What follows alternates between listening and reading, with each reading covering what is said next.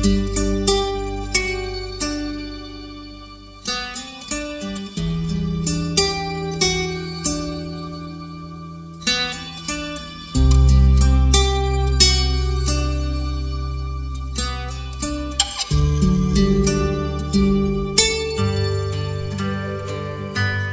adik-adik yang dikasihi Tuhan.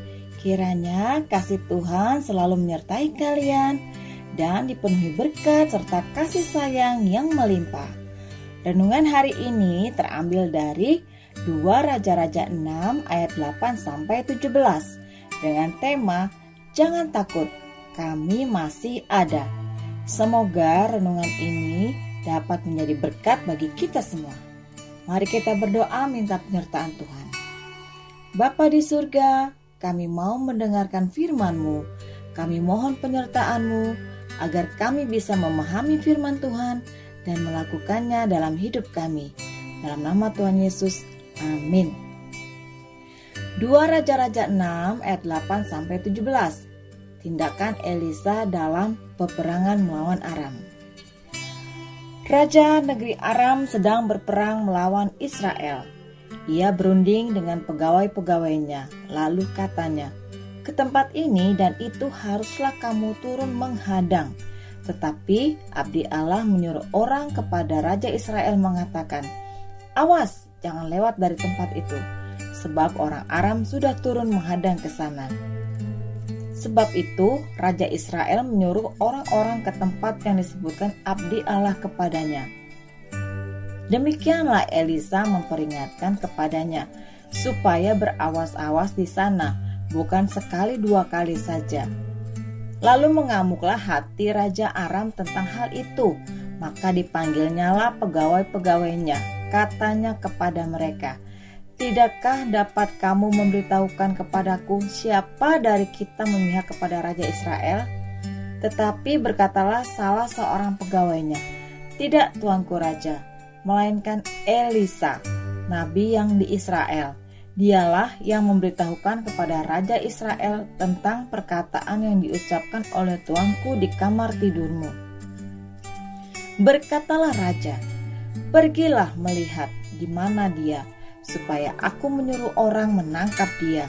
Lalu diberitahukanlah kepadanya dia ada di Dotan. Maka dikirimnyalah ke sana kuda serta kereta dan tentara yang besar. Sampailah mereka pada waktu malam, lalu mengepung kota itu. Ketika pelayan abdi Allah bangun pagi-pagi dan pergi keluar, maka tampaklah suatu tentara dengan kuda dan kereta ada di sekeliling kota itu. Lalu berkatalah bujangnya itu kepadanya, "Celaka, celaka tuanku, apakah yang akan kita perbuat?" Jawabnya, jangan takut, sebab lebih banyak yang menyertai kita daripada yang menyertai mereka. Lalu berdoalah Elisa, Ya Tuhan, bukalah kiranya matanya supaya ia melihat. Maka Tuhan membuka mata bujang itu sehingga ia melihat. Tampaklah gunung itu penuh dengan kuda dan kereta berapi sekeliling Elisa. Demikianlah firman Tuhan.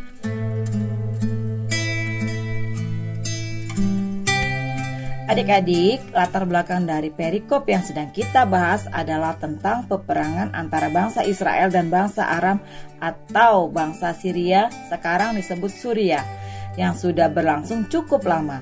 Raja Ahab terbunuh dalam peperangan antar dua bangsa ini. Pada pemerintahan anaknya yaitu Yoram, peperangan ini masih berlangsung.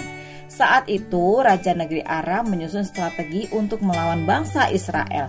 Namun setiap kali strategi rahasia tersebut terbongkar, akibatnya berkali-kali pula penyerangan gagal. Setelah diberitahukan bahwa yang membongkar setiap strategi rahasia tersebut adalah Elisa, sang abdi Allah, maka marahlah Raja Aram. Semula peperangan itu antara bangsa Aram dan bangsa Israel, tetapi kemudian berubah menjadi bangsa Aram melawan Elisa Elisa menjadi satu-satunya sasaran tembak dari bangsa Aram. Hanya untuk melawan satu orang, Raja Negeri Aram mengirim kuda serta kereta dan tentara yang besar. Inilah konsekuensi pelayan yang dihadapi oleh Elisa. Saat tentara yang sangat besar itu mengepung kota Dotan tempat Elisa tinggal, bujang dari Elisa sangat ketakutan. Ayat 14 sampai 15. Ia menghadap Elisa dan berkata, "Celaka tuanku, apakah yang akan kita perbuat?" Namun dalam iman Elisa berkata kepada bujangnya, "Jangan takut, sebab lebih banyak yang menyertai kita daripada yang menyertai mereka." Ayat 16. Tak berapa lama mata bujang Elisa dibukakan dan ia melihat sangat banyak tentara Tuhan yang menyertai Elisa.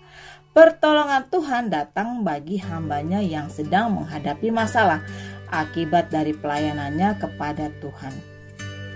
Kata kunci untuk memahami perikop ini adalah menyertai kita.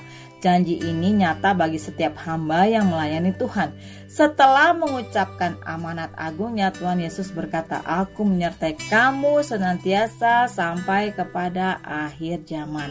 Dari janji penyertaan itulah akan muncul pertolongan Tuhan yang menyertai setiap hambanya. Maka layanilah Tuhan dengan setia dia akan menyertai dan akan menolong dalam setiap kesulitan kita. Adik-adik, dalam sejarah Indonesia, hal yang sama pernah dialami oleh Sri Sultan Hamengkubuwono ke-9 yaitu Raja dari Yogyakarta. Saat itu beliau berstatus sebagai tahanan kota dan harus berdiam diri saja di keraton.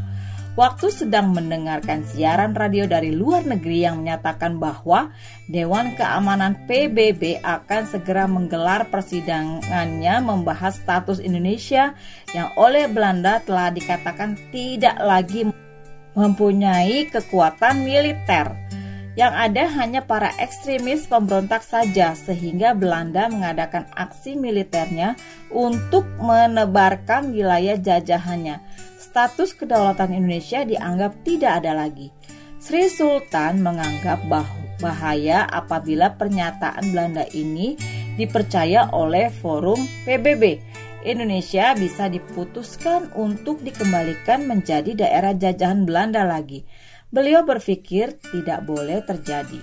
Karenanya Sri Sultan memanggil Letnan Kolonel Soeharto untuk merencanakan sebuah strategi yang akan membuat dunia tahu bahwa tentara dan negara Indonesia masih ada dan berdaulat.